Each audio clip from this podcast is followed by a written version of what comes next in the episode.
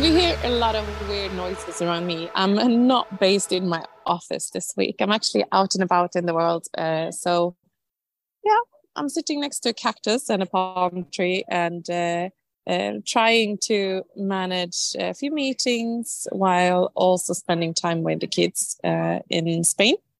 So, there might be some splashes from the pool. there might be some people screaming or whatever. So I hope you excuse if it's a little bit of a disturbing noises around. But I'm also connected to uh, another person living in the UK. And Renee, you have an experience um, coming from the financial industry, and that's actually where I want to start. But you then had a super intriguing career, moved into starting and funding your own business, and then now uh, you're also angel investing. And we know each other from a few years back when I also lived in London. And how funny that I'm in the financial industry and how funny that you are not. yes, exactly. Yeah. we've actually, yeah, known each other for maybe, I even want to say eight years or so now. Yeah, it's been a while. And uh, can you just share a little bit about your background? You went to Wharton Business School? Yes, I did. Yeah. So I've been in the UK now for 10 years, and I came over here after interning whilst getting my MBA at Wharton, where I studied finance and impact investing. Um, so I came over here interning and then accepted a full time offer with Deutsche Bank. Um, but prior to that, I worked on Wall Street at JP Morgan in New York for four years, starting out in their alternative investments group. So that's hedge funds, private equity, hard assets such as real estate, um, all kinds of uh, interesting structures. So I, I, actually helped kind of structure those investment vehicles um, so that high net worth investors could access them. Um, so I did that for two and a half years before I moved over to JP Morgan's investment bank, where I sat on a proprietary investment desk called Social Finance. So we actually had $100 million of the firm's proprietary capital at the time to invest in typically um, funds, so fund to funds rather than direct investments into companies, but that had a financial return, but also a measurable social and environmental impact. Um, oftentimes, we would co invest with um, the Gates Foundation or the Rockefeller Foundation. Uh, it was truly a, a, dream job and really kind of pioneering at the time.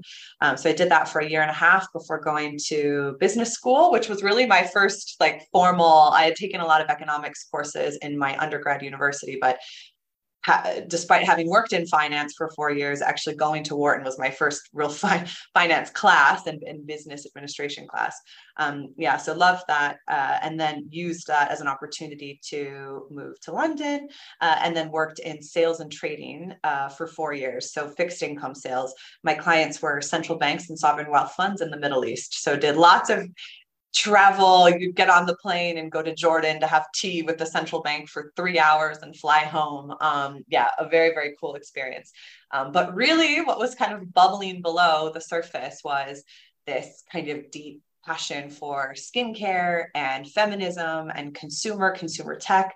I started to feel, especially like being on a trading floor, where it was it's very flow based so truly buying selling bonds. Um, a lot of that was becoming electronic. Um, also the compensation structure was no longer for salespeople like myself commission based so i was surrounded by a bunch of much older peers typically men who would kind of tell me about the good old days and how much money they made. And i always thought to myself like i would have obje- objectively like not been really ever allowed in those rooms back then. So never would have been welcome to the good old days. Um, but yeah, started to really shift um, kind of inside of me.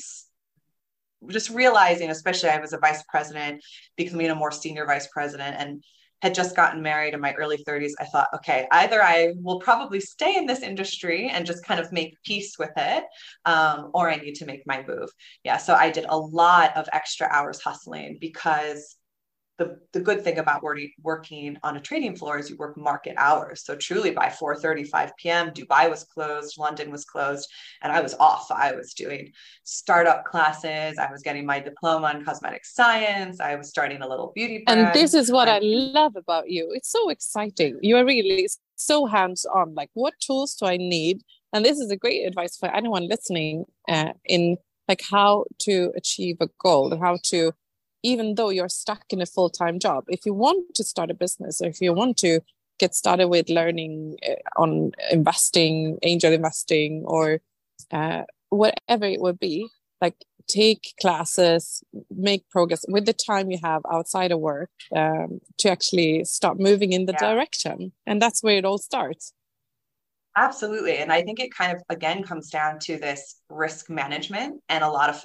having a lot of faith. Uh, I know this is said more widely. Um, Adam Grant, who's a really cool Wharton professor, I think he he has talked a lot about this. There's this perception that entrepreneurs like, you know, leave their well-paid job and go mortgage the house and take a big bet when actually successful entrepreneurs are really just good at understanding and managing risk. And so I think a good way to manage your risk as you explore new opportunities is to do what I did and to do what you just said, which is you don't give up the day job, right? But you hustle, you hustle, hustle, hustle outside of that, out of that day job. Um, and, it, and I think it was also interesting because so many people would say, why are you getting your diploma in cosmetic science? It was a huge undertaking. It was truly like the scariest thing I've ever done. I've never been more nervous to sit for an exam in my life. I mean, I really, my heart like trembles even thinking about it because it was so outside of my comfort zone. And I didn't really know like what it was for. I just kind of felt in my gut like that was the direction I needed to go. Um, yeah. And it was interesting. So then when I was finally ready to leave finance, at least in that format, I the, the kind of universe does I think conspire to help you because I I then looked on LinkedIn. You know, it's not fancy, right? I've searched on LinkedIn, Amazon luxury beauty, and I kid you not, the role head of Amazon luxury beauty in the UK was available. Um, so then through my network, I just basically found who um, was actually John Sander who helped me. he because he had worked at Amazon. Oh wow! Found, so it's a friend yeah, of ours. Yeah a friend of ours yeah. And he he knew the hiring manager. And so he just gave me the guy's name.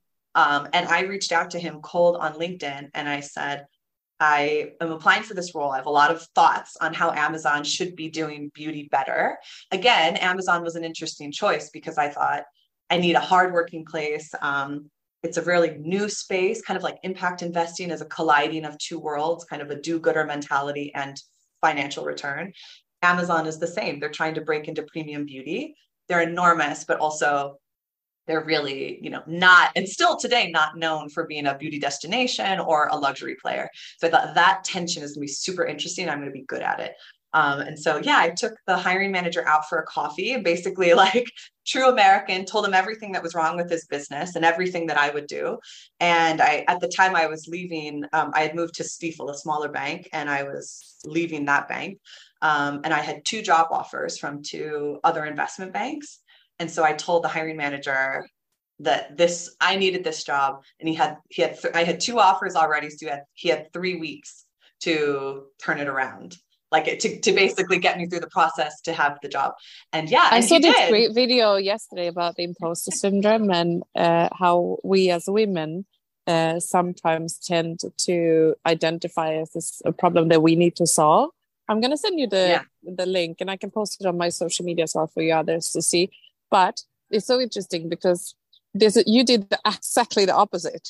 You and like I'm not a victim of you, you know, not wanting to hire me. You need me, uh, so make your you decision fast. Yeah. But otherwise, I'm gonna be gone. Yeah, exactly. And I, I think this is always the right thing. Like, um, if you if you've got things, if you've got a few things going for you, um, you never i think you enter these conversations at a higher vibration and a higher confidence level because like in this case if i didn't get this job what's the worst thing that's going to happen i've got two other better paying jobs albeit in an industry i'm trying to leave but i'm not with nothing. Um, and so then i think that kind of allows you to be bolder. The same in entrepreneurship i think when you are starting out and you are kind of balancing this risk but you know ultimately your bills are paid it keeps uh free your mind stays clear to come up with creative solutions and to move at the right pace versus feeling really scared or overwhelmed. So i do i always try to kind of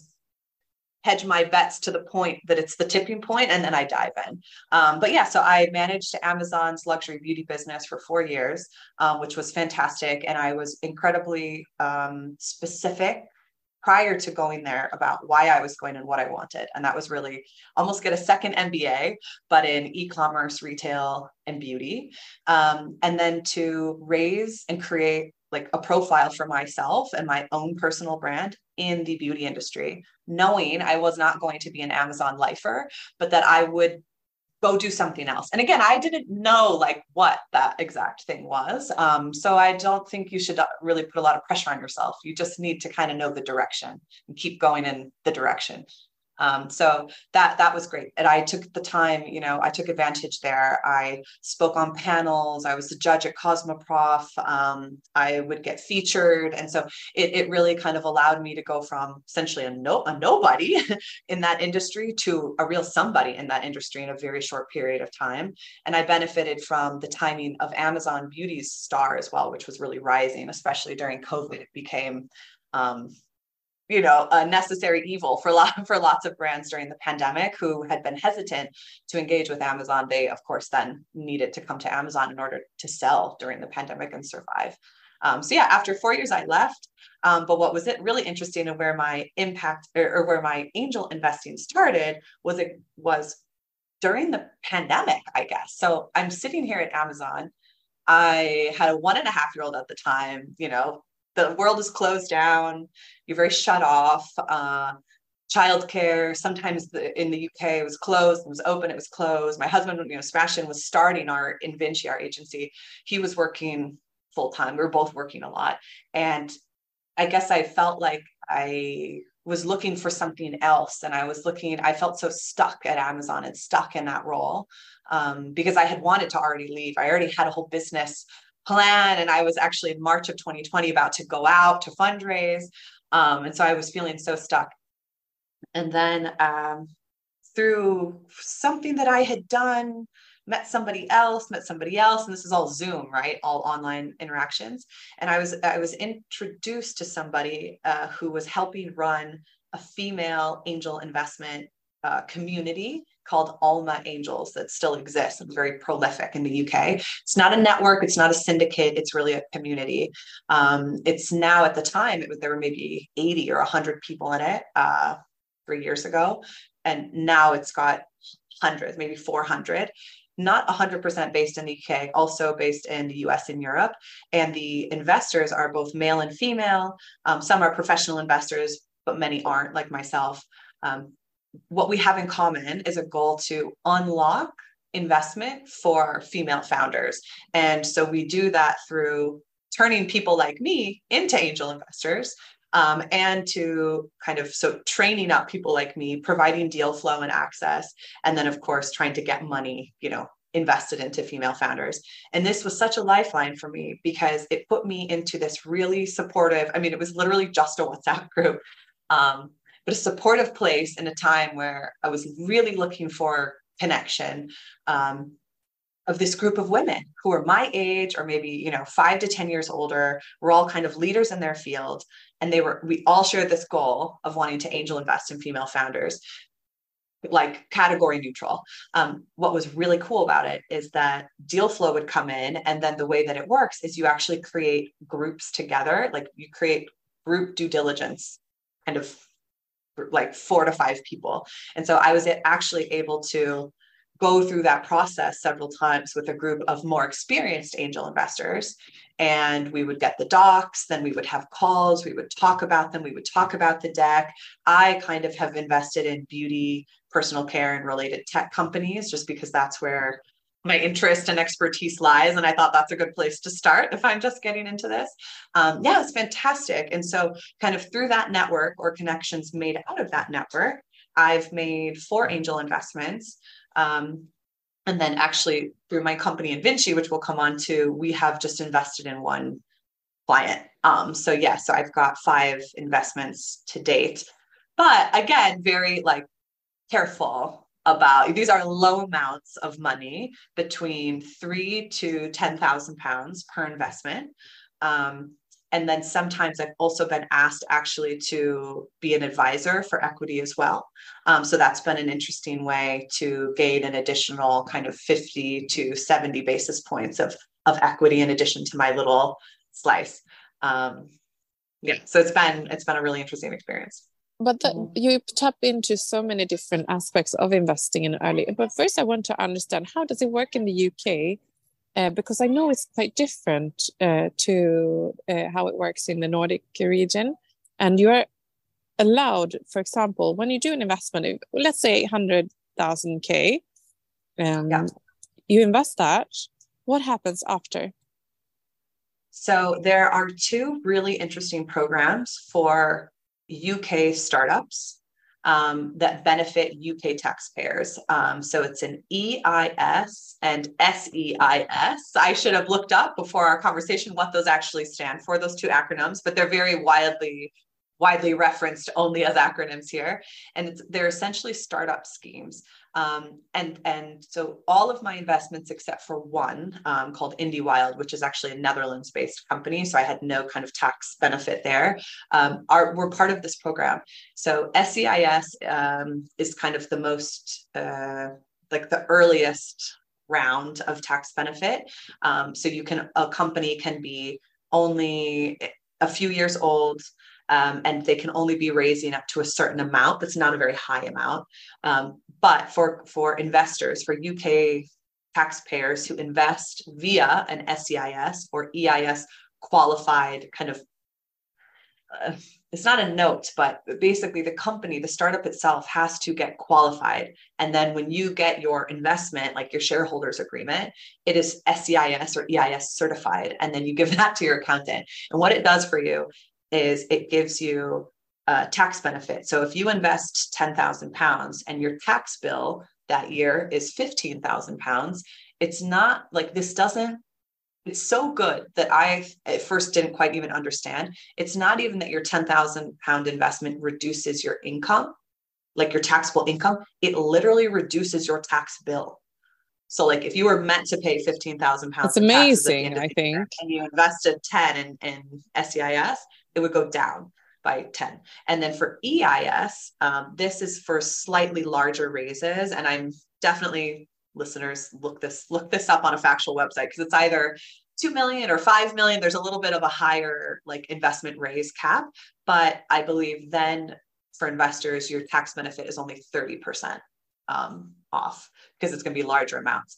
Uh, and then both of but what this means is that investors actually dare to uh, start invest, and what it means for the ecosystem is that the money uh, is going uh, to startups at a phase where it's the most difficult time to raise capital for startups. Exactly. It's the first round, isn't it? So it's like nourishing the UK startup ecosystem in a way that is really, really cool, I think.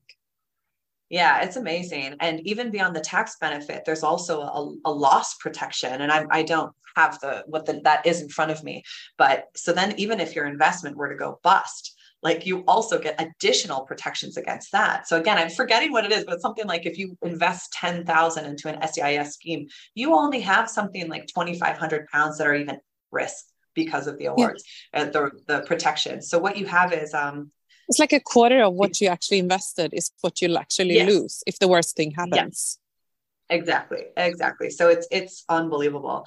Um, and you get angel networks here that are you know wealthy individuals who are really just interested in eis and seis um, and so entrepreneurs will tap into those networks and those those um, communities of angel investors so yeah it's really amazing yeah i think we can learn a lot from that uh, because what what happens is this something that's been implemented after brexit or hasn't been uh, ongoing for longer? I think it's from before. I think that it's from before. I don't think that it's new but again i would need to fact check that. But no it seems to be like a quite well established way of doing things here. Uh, it's uh, really yeah making sure that new innovation is uh, still living in the country like your so I, I think it's really right. exciting. Uh, but from a yeah. perspective, then you've shared some really good. You, you have a knowledge. So talking about the beauty brands, for example. Can you just mm-hmm. share a little bit about how you've been, uh, why you've chosen those companies and how you've used your expertise uh, to concretely uh, share some advice on how you as an investor should think when tapping into unlisted?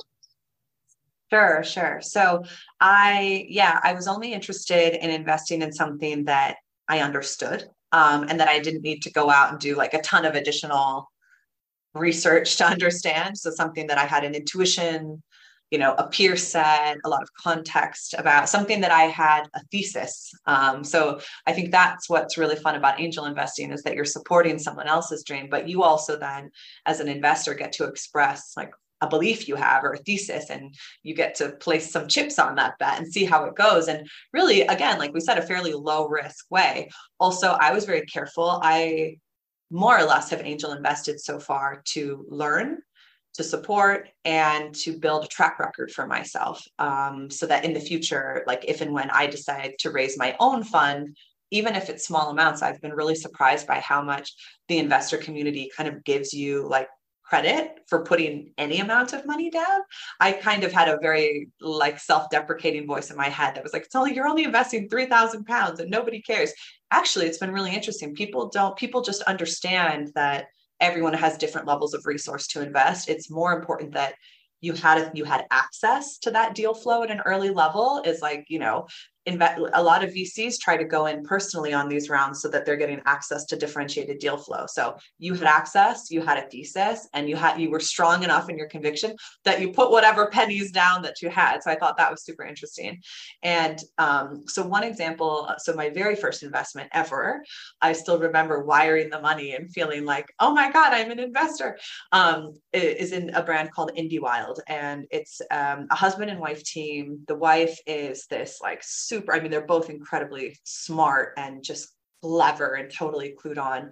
Um, it's skincare that's moving into hair and moving into beyond. So it's a physical beauty company that is focused on the kind of Desi woman. So um, Indian, Southeast Asian, and very much the diaspora of that community in the UK, Canada, Europe, and US. Um, so she super, the founders are very analytical. So understood this is a, she's an influencer. So understood how kind of far her following should get them, but then also very honest about in order for them to be a billion dollar brand, the, the success and, and appeal of this brand is going to have to go way outside of her followers and fans. Um, I, looking at the market, was seeing, you know, a lot of different demographics and skin concerns and kind of takes on skin and hair being done and a lot of derivatives of those that I didn't find that exciting. I found this really exciting because beyond kind of Live Tinted, which is um, a cosmetic brand kind of geared towards uh, Desi ladies that has been incredibly successful based out of the US, I didn't see anybody who was going to kind of like be able to straddle this kind of home market Indian appeal, but also this diaspora appeal, but also someone with fair skin like me would want to use the products. I also thought she was very credible about how she was talking about formulation. And this is where my cosmetic science di- like diploma came in you know I, I certainly don't have the skills to like formulate my own products but i know what questions to ask i know when something is hot air or not and i also have a great network in that space so when she was um, when deepa the founder when she was talking about formulation she was kind of sharing who their lead formulator was I was like, oh, yeah, I follow that person on Instagram. I know this person. Um, and so I just felt like they were very credible. They were very smart. Um, it was they were going after something that I knew to be a white, a, a real white space and in an area I knew well. Um, and the big play for them is India. And I thought that is so cool. Like when she launched this brand, she launched it with a cover of Vogue in India. And, and so I also thought it's interesting for me to put money here because this is not something that I can do myself. Um, there's no natural way for me to get exposure to the Indian beauty market. Um, so this would be a really cool vehicle for me to get exposure to things that I think are going up. And this is probably the most efficient way for me to get exposure. Would you say that, um, like, have you been regretting any of the investments that you've done so far? Or have you, like, oh, I wished I've done something differently or I, I wish I asked this question?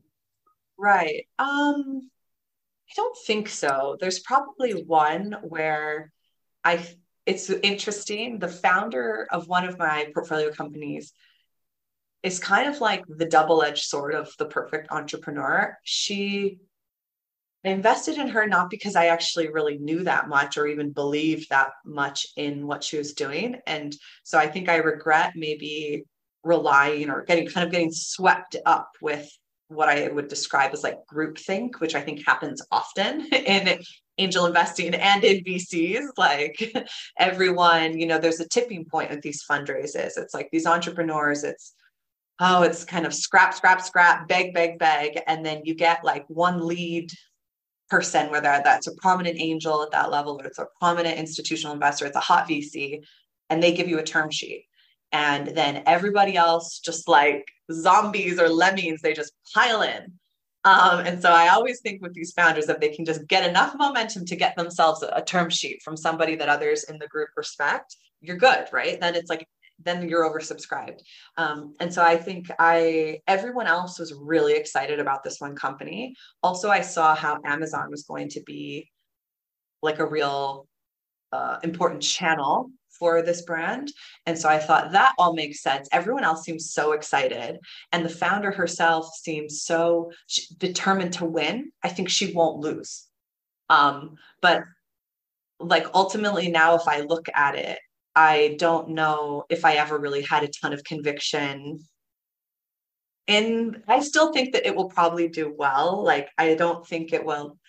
They have some strategic investors that, if any, you know, at the at a minimum, will probably just acquire them for some multiple. Um, so I don't think this is an investment that would go to zero. But I I maybe question how much I truly had conviction um, versus kind of went back to that place of imposter syndrome and just assumed if everybody else thinks it's really cool, it must be. Um, yeah, but I don't regret that. I don't regret it because again, like one of my main three goals of doing this was to learn. I never invest like more than I'm willing to just 100% outright outright lose. Um, and I think it still will have some payoff, but I I think that was a good reminder to like is this really solving a problem? Do I really believe that this product is solving a problem. Yeah. But that's so good. Thank you for being so open and sharing that too. Uh, and also, you are an entrepreneur yourself. And I think I want to end the conversation by you sharing your own entrepreneurial journey because you you've been going from giants literally uh, whether it's been banks or uh, amazon yeah. to actually yeah. uh, working with your own startup yes scale up. yes so i yeah that's been a very different journey um i think a really good thing that i did before i made that full switch was get an executive coach like a business coach um, somewhere between a professional coach and a therapist, I guess. And we really talked a lot about that transition because it's tough to go from like a big institution where you're basically told what to do.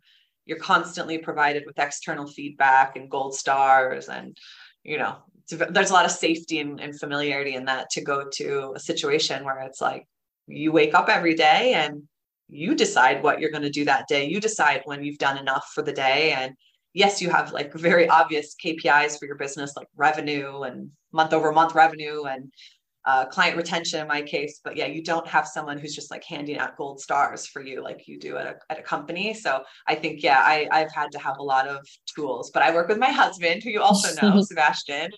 And definitely he knows that my you, you can give you can give him a good job you can give him a gold star and he can give you one. He, he whenever i get off a client call sometimes or sometimes throughout the day he'll just say good job. I think he knows i just need to hear it.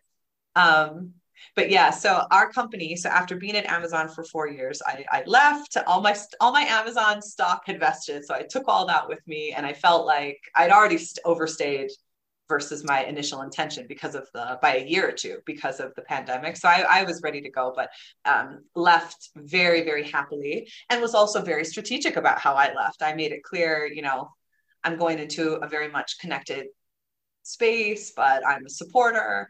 Um, so again, always thinking about keeping connections and keeping everything like favorable. Um, yeah, so it was a kind of a natural like end to a really great run at Amazon. Um, so Sebastian had started our company Invinci at the end of 2018. Um, I had at the time been sitting across from a lot of beauty brands when I was at Amazon who were interested in growing that channel, interested in using some of the new media and advertising tools that Amazon was coming out with. So, you know, if you go onto Amazon and you search for any keyword or product, you'll see lots of sponsored advertisements and products come up. So that that's Amazon's advertising right there. Um, so brands were starting to realize they needed to do this, but in the UK there didn't exist a lot of expertise in terms of people who knew that area and could help them manage it. Sebastian had done very similar things off of Amazon. Um, so he and I spoke. He was like, you know, we decided this was an opportunity. So he actually pivoted into that space, started uh, working with a few great clients, launching them onto Amazon UK. Yeah. And then two years uh, after he started, I went ahead and joined him um, full time. And the purpose of me joining was to really scale this business. So I guess the highest level statement for what we do is we help beauty and personal care brands sell on Amazon. Um, and it's been amazing. It's also been like a real uh, learning curve. Um, but also a time to again it all comes kind of come back to like imposter syndrome of course you need to keep tabs on your competitors and the market and what's happening but we have definitely found that we're doing things very differently than anybody else in the market and that is really serving us well. So being very focused on certain type of brand and premium brand within beauty um, having really elevated content. So a creative team that's from soho house l'oreal vogue so like really elevating a channel that is not known for elevation um, and data. So our fourth full-time hire was was a data engineer. Um, so we're really all in on data and insights, and we spend a ton of time doing that.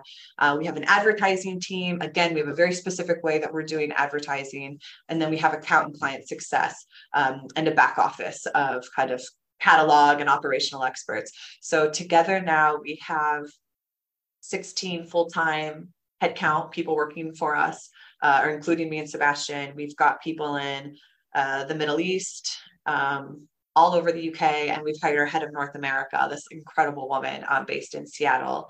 And yeah, we're kind of just exiting like stealth mode. But that said, we work with I think now something 23 brands across multiple marketplaces. So it's quite a big book of business. Yeah. And we are self funded. So we agency model, it's kind of feast and famine, the real grind. So you go through kind of periods where you need to overhire and your finances are quite lean um, to times where everyone is really overworked and your finances look cushy and great.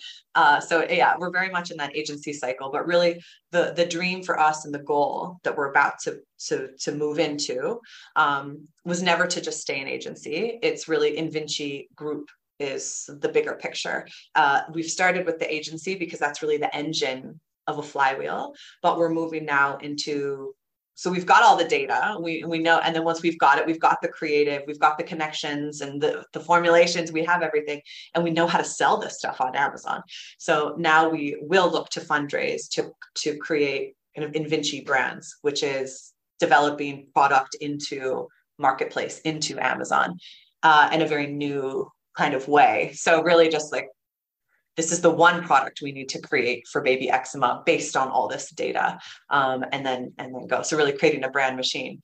Um, and then we're also very interested in data and insight solutions so i've been working on that as well. So i think investment is in my future but for now we're not.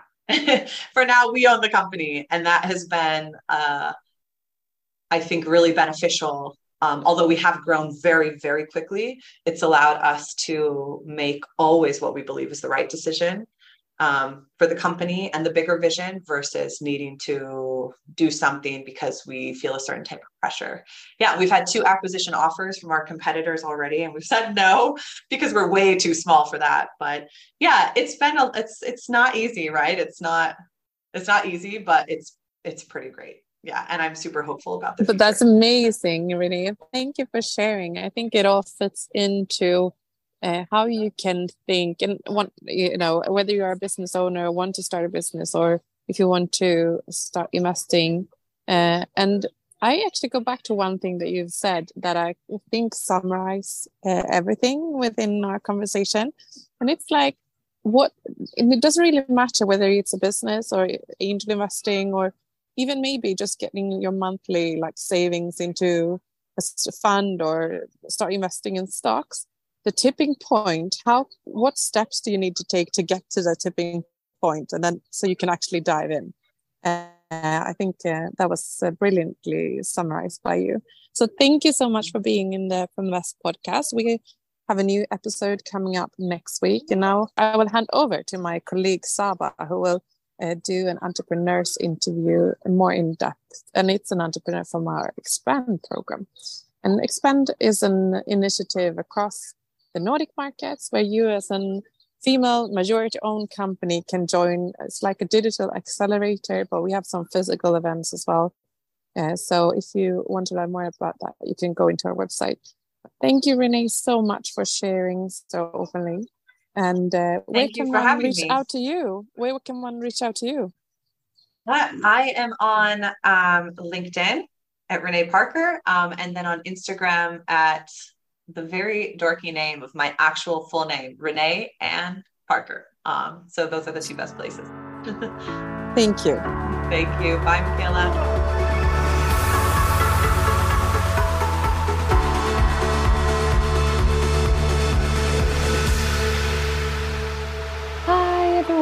Today with me I have Fernanda Oliveira. Uh, she's uh, an expand member, and I'm so proud of having you here today, Fernanda. Welcome Thank to the podcast. Thank you. Fernanda, you do PackFixed, which is a marketplace for product pa packaging. Uh, tell us more about you to start with, and then we'll dig into your business later on. Who who is Fernanda?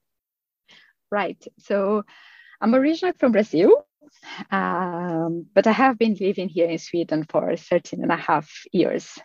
Uh, you know, I, I, I met my Swedish husband when I was working in Australia, of course, where would a Swede and a Brazilian meet? But uh, we met in Australia, and I was like, "There's no way I'm following a boy." You know, I'm very much a feminist. I'm like, "You follow me." So he followed me to Brazil, uh, oh. but unfortunately for him, it did not work out uh, for him to work in Brazil. After three years in Brazil, we actually decided to move to Sweden. So I moved to Sweden in 2010. I was very lucky to get a job in Sweden already from Brazil. Uh, I got a job with a Swedish cosmetics company, the biggest one in Sweden called Oriflame. Uh, started as a quite a let's say a, a low uh, position to start versus what I had in Brazil, but it was a door to the Swedish job market. And then over the years, I managed to kind of climb my way up there and uh, and my last role there was responsible for three of the six categories that they had. And back there at Oriflame, I was already thinking about starting a business, and uh, I always felt that I I I, I wanted to try, but um, it felt really scary to do it. Uh, didn't really dare. Um, then I was headhunted to leave Oriflame, uh, and I went to another company um, uh, to uh, iDeal Sweden to be the uh, chief uh, brand and product officer. But the this question about like will I not regret when I'm 65, you know, that I did not dare stayed with me. So I finally actually decided to resign and, and just go for it and, and, and try to be an entrepreneur and, and try to work on this project that uh, this idea that I had since I already my times uh, at Oriflame but I knew I, I did not want to, to do it by myself. So I, I actually joined an incubator called Antler, a tech incubator. And there I met my co-founder, Jakob. And uh, yeah, we it I, I, joke that it was like a, a Vegas marriage. We met in August, uh, decided to work together, and end of September formed the company in December, and uh, end of January we launched. Wow! So, yeah, we have been now on this together for a little bit over six months. That's interesting. Lovely story. so tell me, like, what were the challenges? I mean, you resigned without having any business uh, in place, right? You just had the idea. Yeah, I had. I, I, had this idea, but I was also, as I had decided to join Antler, I that was like the way I tried to make it safer for me was actually by joining an incubator because I felt like that would give me some structure. It will help me to find a co-founder and etc. But I, I, really admire people that can do it on the side. Uh, I, I have like a husband and two kids. I, you know, I, I, I never felt I, I managed to do it on the side. So, so for me, the way to go was actually to resign and, and really go for it but I tried to minimize the risk by joining an incubator. So that would give me some more structure, at least in the beginning and um, and I was open to explore other ideas. But in the end, after exploring other ideas, I felt that this idea for PackFixed was the one I believed the most on commercially, and also was the one I knew how to solve. Uh, you know, there, there is a lot of problems out there in the world, but unfortunately, most of them I do not know how to solve. This one I felt like uh, here I, I think I can I can really make a difference you had the contacts already established and you had your um... yeah i had a bit of a network already because you know basically as you mentioned in the beginning packfixed is a b2b marketplace like I, I call it an amazon for packaging. And what we try to do is to make it easier for smaller brands to, to buy their packaging because i can i can tell you a bit like how the idea started with me. So when i joined oriflame i started as a buyer and I was buying those finished goods and packaging. But I felt the way we were buying stuff was a bit stupid. You know, you had to kind of write to all the suppliers asking for quotes. And, you know, then someone is on holiday, someone missed your email, you have to follow up. And I wrote to maybe four suppliers, but of course, I would only buy from one of them. So it felt very wasteful, both for me and for the suppliers. And I felt like surely there must be better ways to do it right? Like no one would accept to go to to h&m and have to ask for a quote. Like why, why don't you just post online your price list? Like why don't you make it easier so that i don't have to waste your time asking for quotes all the time and, and i don't need to, to waste my time? You know i can like access this these different options a bit more quickly and stuff like that and when I went then to work on marketing at Oriflame, I, I actually understood that the, the problem was not only wasteful from a purchasing and the supplier perspective, but also from a marketing perspective.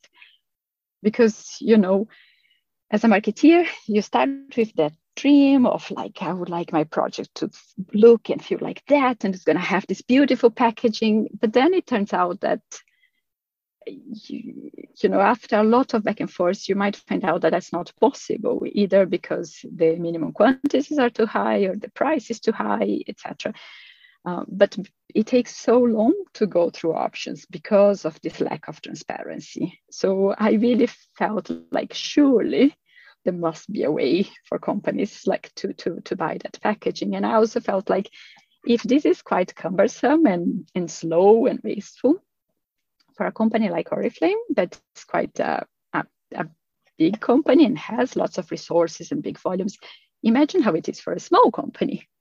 So yeah. that is kind of what uh, make me like talk to more small companies and also manufacturers that are working with smaller brands to understand what were their challenges. And what I heard from smaller brands was that yes, it was very painful to buy their packaging, and uh, and most of the time they rely on their manufacturer of let's say the cream to buy the packaging for them, but they were not super happy many times with the price or with the options that were they were given. And when I talk to the manufacturers, the manufacturers say, well, for the brand, the product is their baby, and they would like me to look at a million options. But of course, unfortunately, you know, most products don't become a bestseller. So I need to limit how much time I spend on each product. So I, I only give the products a couple of the brands a couple of alternatives, and that's it. They, they need to choose between those. So we felt that we could both add value to the brands and to the manufacturers by by, creating this platform with like more options, more transparency.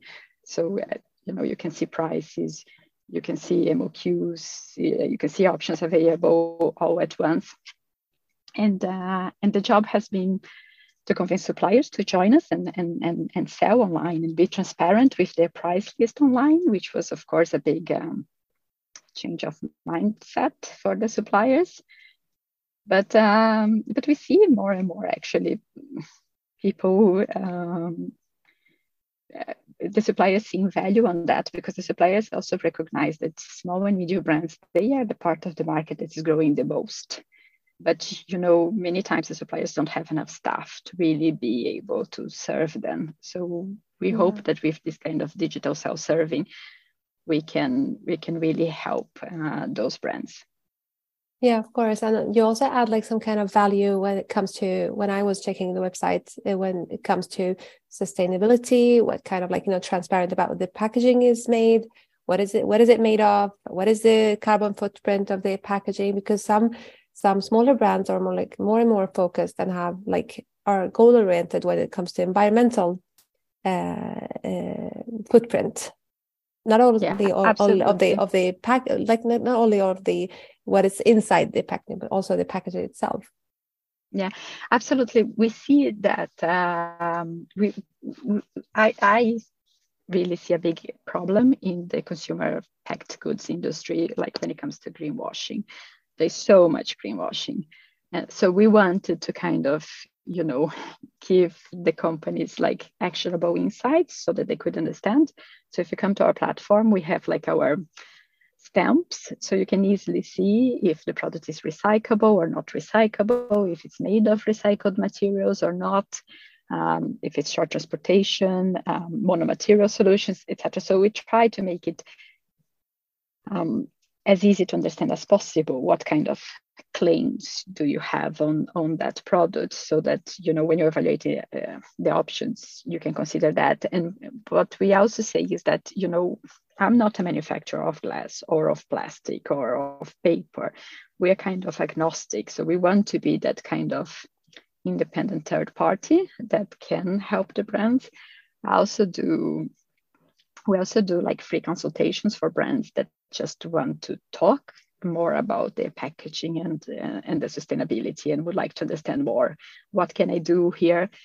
And um, fortunately there is not one easy answer many times. Uh, like this is a very difficult topic and i what i try to tell the brands is that what is the right thing for you to do also depends very much on what do you want to optimize for like what do you care about?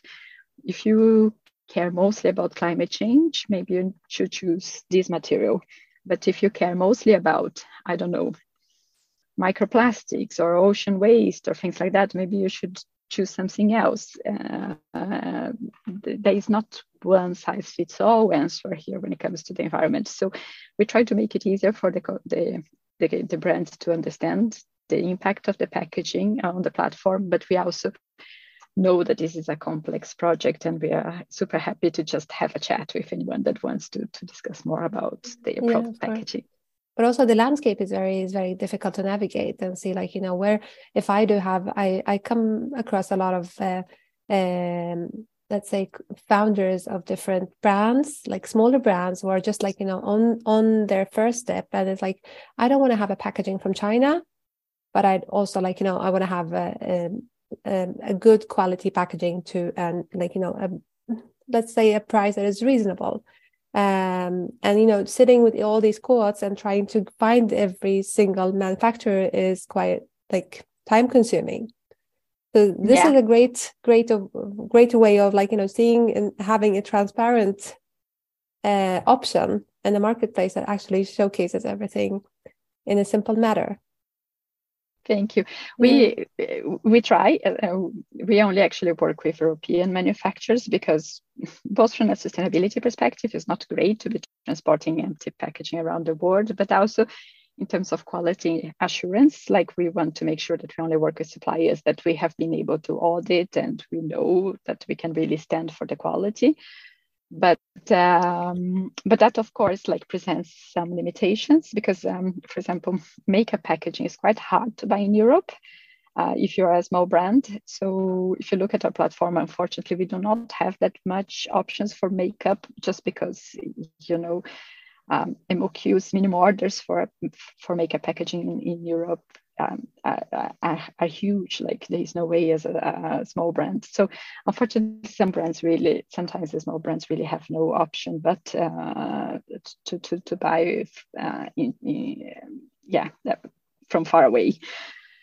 but um, but we are really on this mission to kind of educate the suppliers and, and work with the suppliers to make it easier for them to work with the small brands so that more and more suppliers are actually willing to work directly with small brands without the need for distributors uh, you know that just create um, just make the products too expensive. Um, so we see that on average, our prices are between 30 and 50% cheaper than a traditional distributor because we are able to connect the brands directly with the, the manufacturers. That's um, interesting. Um, and, yeah. and that feels super good also because I have to say, 95% of the founders that I meet are actually female. So personally, as a female founder, I also feel super happy to be able to help other female founders to succeed because um, especially in beauty the majority of the founders tend to be female. And it's really uh, one of the most fun parts of this my new role is actually to, to have an opportunity to work with so many awesome female entrepreneurs. So you get to know them from the beginning. That's that's awesome. Exactly. Yeah. And how about how do you get your like you know how do you find these founders of uh, like you know these uh, small and medium, and medium uh, brands do you connect ah, with them like, like in different events or? Years, no, like it's been like all possible things. A, a lot of them from my network, I would say. So of course, uh, I have worked in in beauty, for example, for so long. I I, I knew a lot of ex colleagues that went to other brands or started their own brands. So some from my own network. Um, a big part actually has been uh, cold emailing. We, the response to cold emailing was I think, better than expected so far. Mm. We see at least like when you write in Swedish or when you write, like my co-founder is Finnish, so when he writes in Finnish, um, harder when you go outside, for example, Denmark or Germany. I don't speak any of those languages, so then it's a mm. bit harder with cold emails. But uh, cold emails have been surprisingly good, and then definitely events. So like in there is a lot of like different fairs for for beauty, for packaging, uh, but even uh, the Feminvest event uh, events. I I've met uh, on the Fearless event in March three potential customers, so that was awesome. Nice. so nice. Uh, yeah, so I would say network, cold emailing, and events so far has been uh, how we have met customers. Yeah interesting.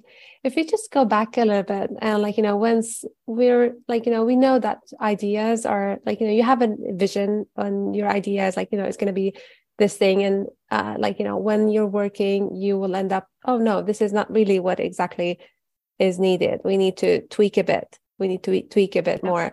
Um, does packfixed still the same idea as you had from the beginning or did you have to tweak a bit more to to to manage? Yeah, I think that's an excellent question. It's something that we are asking ourselves. One big challenge that we face, to be honest, is to to be able to start working directly with manufacturers. Or actually, if we take a step back, many times we meet brands, they say, This sounds awesome, but I have no idea how much I'm paying for my packaging today because you know the brands are dependent on like the manufacturers of let's say the cream for them and they and if they don't know how much they are paying it's hard for me to show them that i can save them a lot of money right? Um, it, it gets uh, quite tricky. And and we see that unfortunately uh, a lot of manufacturers are quite reluctant to to to give the brands a cost breakdown to tell the brands how much the packaging costs so I think that our biggest struggle right now actually is how do we kind of work more with manufacturers that manufacturers really see us as a partner? How can we you know help to create the transparency together with the manufacturers? Um, that has been a struggle. We have been knocking on many doors in, in, in sweden when it comes to manufacturers of creams uh, and and we have found a lot of reluctance to to work together and be that transparent we have to see there more actually in working with manufacturers outside the Nordics. But uh, I have we're not giving up. Like we we keep working more, we keep knocking on more doors. But actually, we we also starting to ask ourselves maybe you know we are not communicating our value good enough to the manufacturers in a way that they really see value on working with us right like it's it's it's not their fault. No. it's it's our fault on like how how how can we do we need to tweak our offer or do we need to communicate differently so that they see value in working with us? And um, and so right now we're actually starting to reach out to more manufacturers again here in the nordics in particular to try to book some interviews uh, to the users to understand is there something in our offer that we need to tweak to to to add more value to you? Like what are your concerns? Why why is it that you know we see that brands are really excited but when it comes to the manufacturers they they seem less excited on on working with us? Yeah interesting. And interesting that the nordics is a big challenge then for you. Yeah um, how, how do you explain that? Market. is there is there is there an explanation that you have been like you know this is the theory behind it or it just happen is it i mean like the customers are not demanding any breakdown of the cost or is it something else I think a lot of, I think it's probably just how business is normally used. I think that in one way, the Nordics a bit less competitive. I think it's um, manufacturers outside the Nordics, they are more, it's like, you know, there's a lot more manufacturers in, in let's say, more Central Western Europe than there are in the Nordics.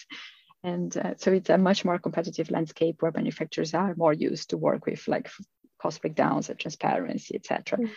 So it could be that it's just like a cultural thing for this market, um, but it also could be that again we have not knocked on the right doors or that uh, we have not um, expressed our value in a clear enough way. You know, it's not like let's say the manufacturer is my customer. It's not their fault if they if they don't want to work with me, right? Like it's my fault. I am doing clearly. You know, I'm not either being clear enough on my value proposition, or I need to tweak my value proposition in a way that makes it more attractive to them. Yeah, and you need to work resi- being resilient, like you know, you work, and you do it again. If you go back to the um, to the incubator and how you actually applied, how did you get in touch with Antler? And how did you, how, how was the application done? that was quite straightforward. I think that Antler is always looking for talent, uh, especially actually female talent. When I was there, they had around, I think, 30% only female and 70% male. And I know they want more women to apply. Uh, so, for all women out there preaching, if you're thinking about starting a tech company, could be an interesting opportunity to consider. I still rate the the experience as very positive. Uh, met my co-founder there and learned a lot. Got a kick in the butt that I really needed to get started. It was good.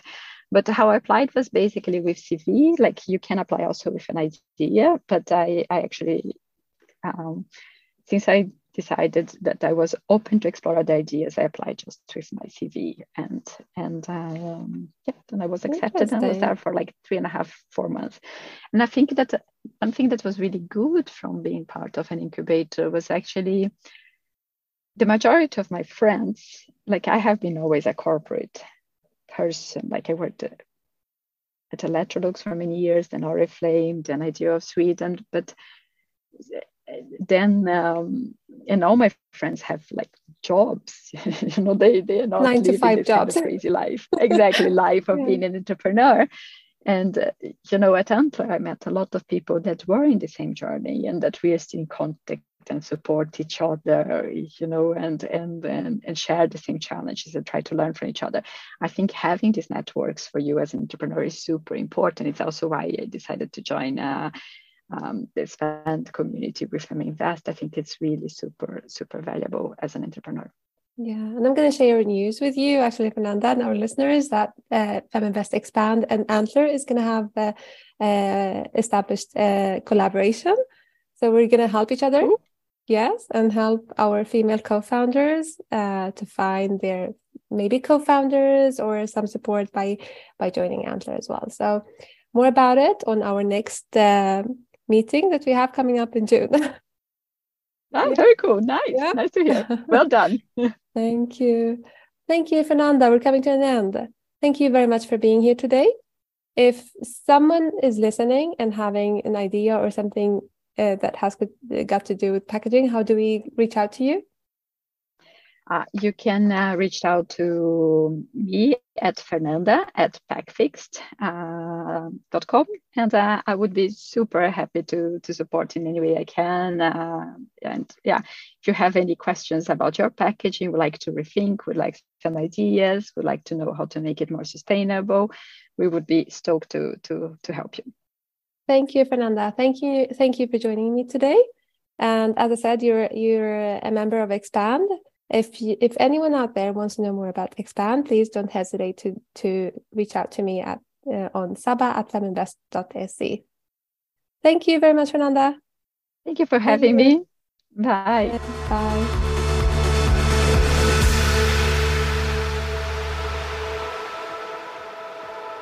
Feminvest är Sveriges största investeringsnätverk för tjejer. Vi vill att allt fler ska våga äga och förvalta och hur gör vi då detta? Jo, vi vill inspirera, utbilda och utmana runt ägande, investeringar och entreprenörskap. Följ Feminvest på våra kanaler Facebook, Instagram, Youtube. Varje vecka så kommer vi även ut med en podd och du kan ju självklart även följa nyheterna som publiceras på feminvest.nu. Det är bara att söka på Feminvest på samtliga kanaler så hittar du till oss.